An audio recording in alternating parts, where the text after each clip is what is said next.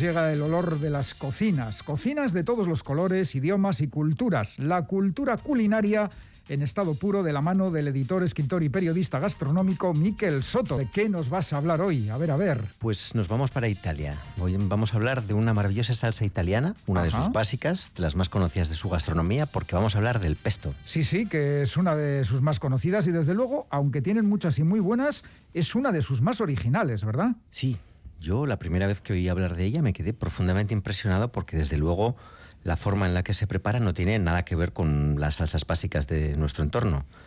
Con el tiempo, lo más parecido que he encontrado es en la cocina catalana lo que llaman la picada. Es esa pasta que se hace con algún fruto seco, pan frito, galletas y según la receta, pues ajo, perejil o pimentón, etcétera que dicho sea de paso, yo creo que deberíamos adoptar y difundir todo lo posible. Sí, ¿eh? Porque no hay guiso que quede malo cuando le pones a la salsa esa maravillosa pasta y empieza a engordar hasta coger un punto de untuosidad que hace que si te despistes te comas media barra de pan untando. Ay, qué peligro tiene la salsa y la barra de pan. Sí, sí, tiene, sí. Empiezas ya tratando de que se nos haga la boca agua, Miquel. Sí, es que muchas veces me pongo a hablar de la historia o del reflejo cultural de la gastronomía y al final siempre me quedo con ganas de hablar un poco más de la comida y de los ricos que son los alimentos y de cómo quedan los platos. Así que voy a procurar no cansar a las y los oyentes con mucha historia y daré algunos consejos para hacer pesto. Muy bien, así que vamos a aprender cosas prácticas del pesto. Tomen nota. Sí, que a mí me encanta hablar de gastronomía, pero imagino que como a la mayoría de oyentes, lo que más me gusta es cocinar y comer en buena compañía. Eso es magnífico. Y la primera vez que yo vi a, hablar del pesto y aprendí cómo hacerlo fue de la mano de María Rosario Eldaz en la Escuela de Cocina del Bosquecillo de Iruña, cuando todavía dudaba entre ser cocinero o estudiar historia. Bueno. Sí, al final opté por la historia y creo que... Pero no dejaste la cocina. No, no, no, no, Creo que ni la historia ni la cocina se han perdido un gran activo, pero desde luego son dos cosas que sigo disfrutando muchísimo. En el prólogo del libro que hicieron de la Escuela de Cocina María Rosario Aldaz contaba que en el bosquecillo se prepararon jóvenes de ambos sexos para el hogar y para su profesión de cocineros. Y aunque creo que había algún hombre más, desde luego éramos minoría y mi recuerdo se parece más a otra parte en la que dice, amas de casa acudieron a sus clases para renovarse y enriquecerse de nuevos conocimientos que les ayudaran en su tarea diaria.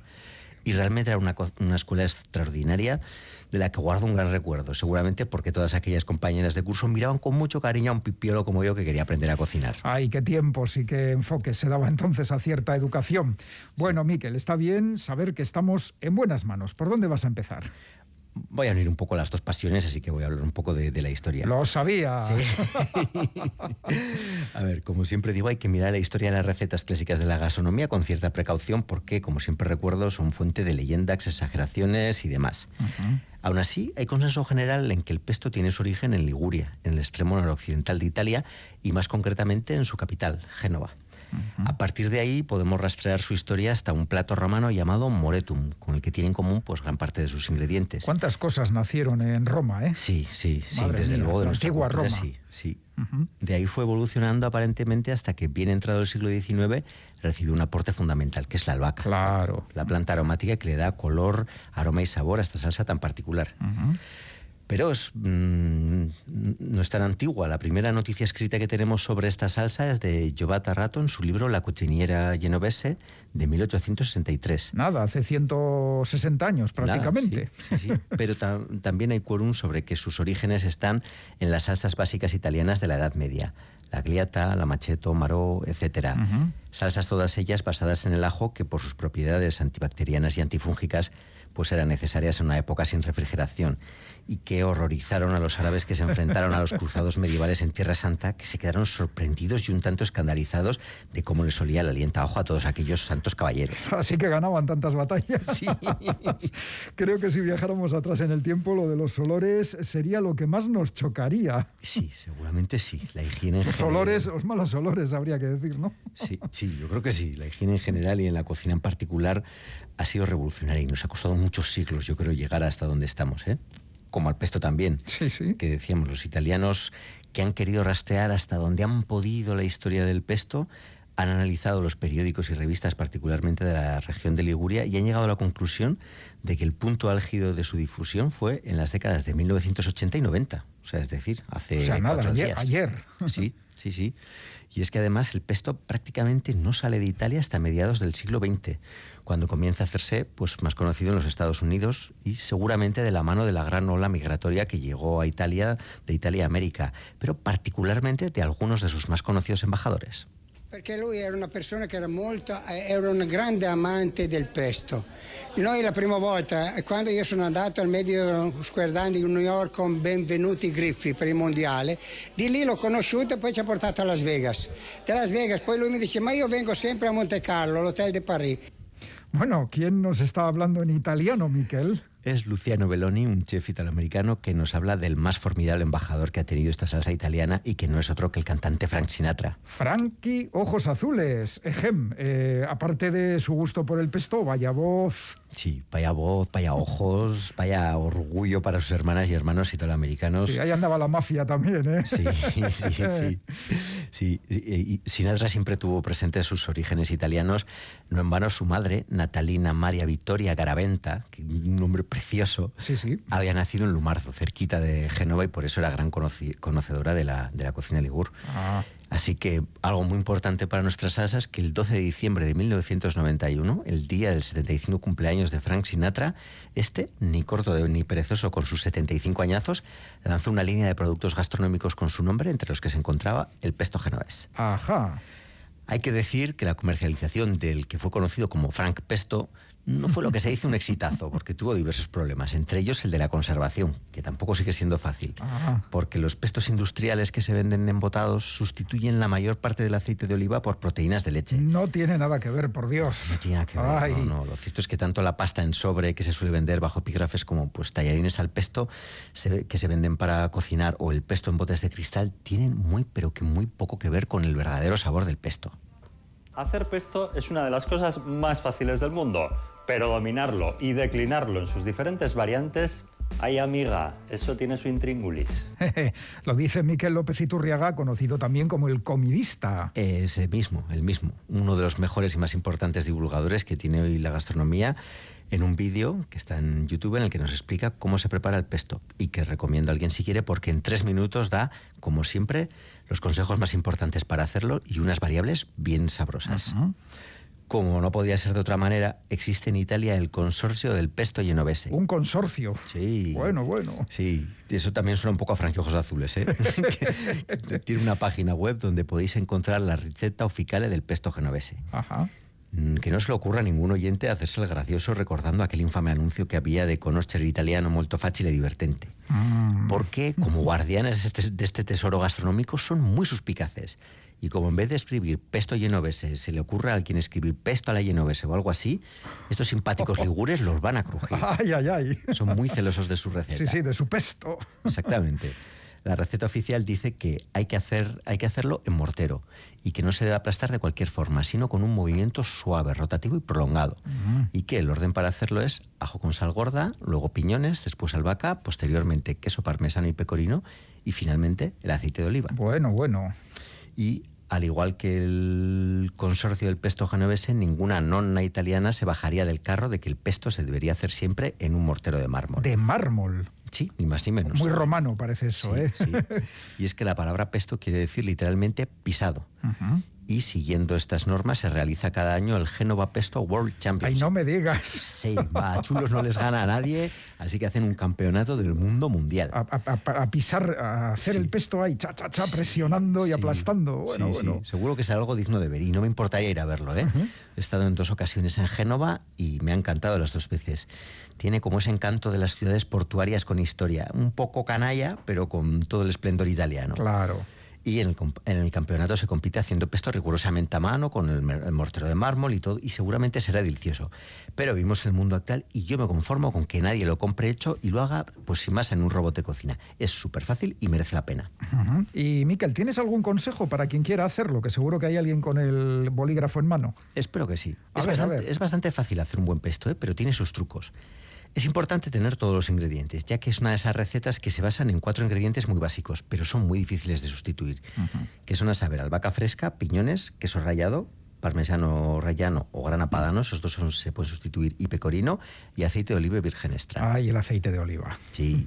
La albahaca fresca, que cada vez es más fácil de encontrar entre los refrigerados del súper, normalmente suele ser de hoja grande, y los expertos dicen que su sabor es demasiado fuerte, pero yo como no tengo otra, compro esa. Si algún oyente tiene intenciones de plantar, pues decirle que es mejor para el pesto usar hojas pequeñas, que aparentemente tienen un sabor más delicado. Y esto sí que es importante para todos usar las hojas sin el tallo, porque el tallo amarga la salsa. Yo al principio no lo hacía así y es cierto que tiene un sabor un poco distinto. Lo aviso solo por si acaso, que a nadie se le ocurra utilizar albahaca seca, porque no vale. Y llegados a este punto, aunque nadie me, la, me haya pedido, voy a dar mi opinión. ¿Vale para algo la, la, albahaca, la albahaca seca? ¿Alguien la ha usado alguna vez en alguna receta?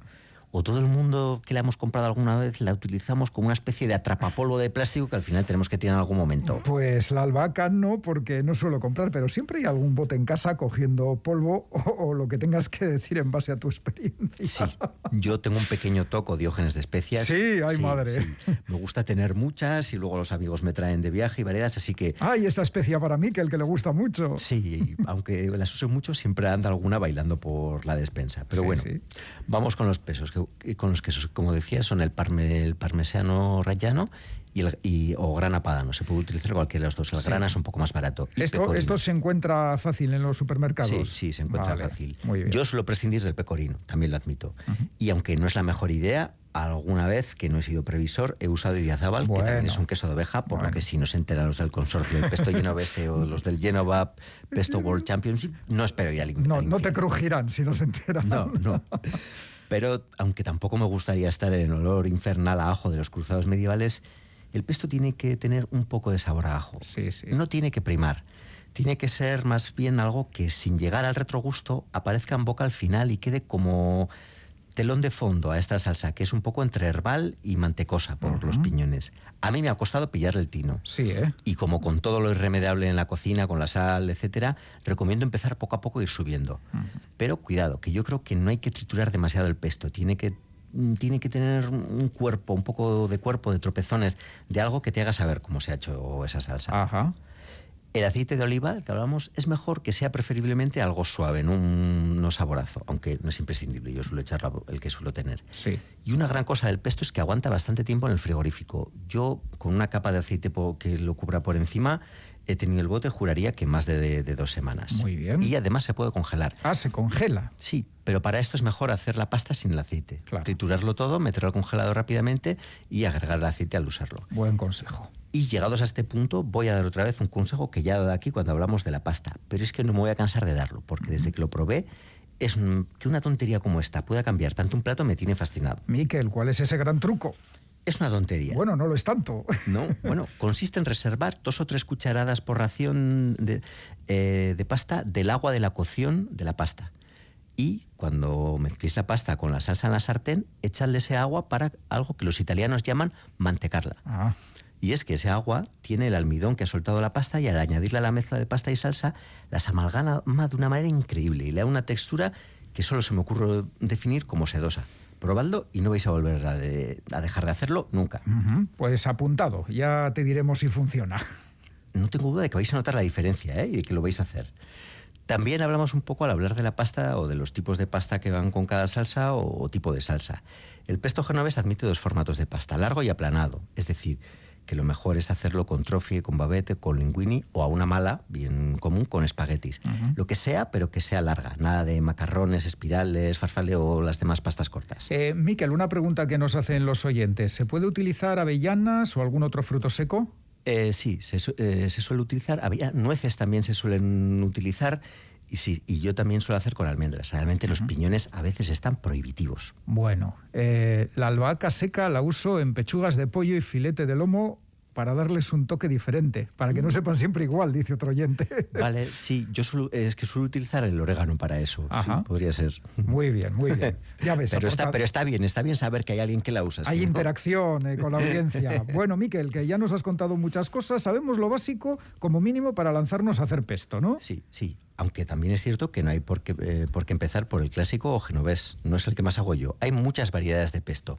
Y es una salsa con la que te puedes poner creativo y sustituir los elementos que hacen de base. Puedes hacer con albahaca y pistachos, con perejil y anchoas, cilantro y pipas de calabaza, rúcula, queso y un poco de ralladura de limón. No hay límite. No, no lo hay. Una de las principales variables es el pesto rosso. Las recetas de pesto del sur de Italia incorporan los tomates secos, que son muy abundantes en la región, y yo hago uno con tomates secos y pimientos del piquillo que uso para un montón de cosas. Sí, sí. Se hace poniendo la misma cantidad de tomates secos en aceite que de pimientos del piquillo, por ejemplo 6 y 6. Uno o dos ajos, un puñado de frutos secos, que como decía ahora normalmente suelen ser almendras, mucho más baratas que los piñones, queso parmesano y a una mala y de azábal y aceite. Muy bien. Es perfecto para tomar con cualquier plato de pasta que tenga pues embutido fresco seco. Miquel, ¿y tú con cuál lo sueles tomar? Mi preferido consiste en coger unas salchichas frescas, abrirlas con un cuchillo y Eh. desmenuzarlas en la sartén. Hacerlas un poco, echar una lata de tomate en el que echo dos o tres cucharadas soperas de pesto rojo y echo el, eh, el orégano seco. Hago el que el tomate reduzca, cuezo unos macarrones y reservo mi agua para mantecar, la incorporo a la salsa, un poco de queso rallado, manteco la pasta y me voy a la mesa a triunfar más contento que un niño con zapatos nuevos. Qué Y aun- bueno. Y aunque esto no aparezca en ningún recetario italiano, unas alitas de pollo con tomate enriquecido con un par de cucharadas de pesto son, como decíamos la semana pasada, bocato y cardinal. ¿Cómo te gusta? Sí. Y todavía quiero hacer una última recomendación a la audiencia. Si os gusta cocinar y si os gusta la cocina italiana, os voy a dar un nombre. Ana Mayer, la autora del blog Panepanna. Panepanna. Panepanna es la, la primera pane con una N y la segunda con dos. Panepanna. Es maravillosa, lo explica todo genial, te indica perfectamente qué pasos puedes saltar o modificar en una receta, cuáles no. Hace lo mismo con los ingredientes, es genial. Y pues sin más, mm, tiene un boletín que es muy bueno, tiene una newsletter y si os gusta, apuntaos. Como os digo, si sois cocinillas y amáis la pasta, es vuestro sitio en la red. Ay, está sonando una cosita de fondo, Miquel. Sí, Vamos sí. a escuchar, vamos a escuchar. Start spreading the news. I'm leaving today. I want to be a part of it.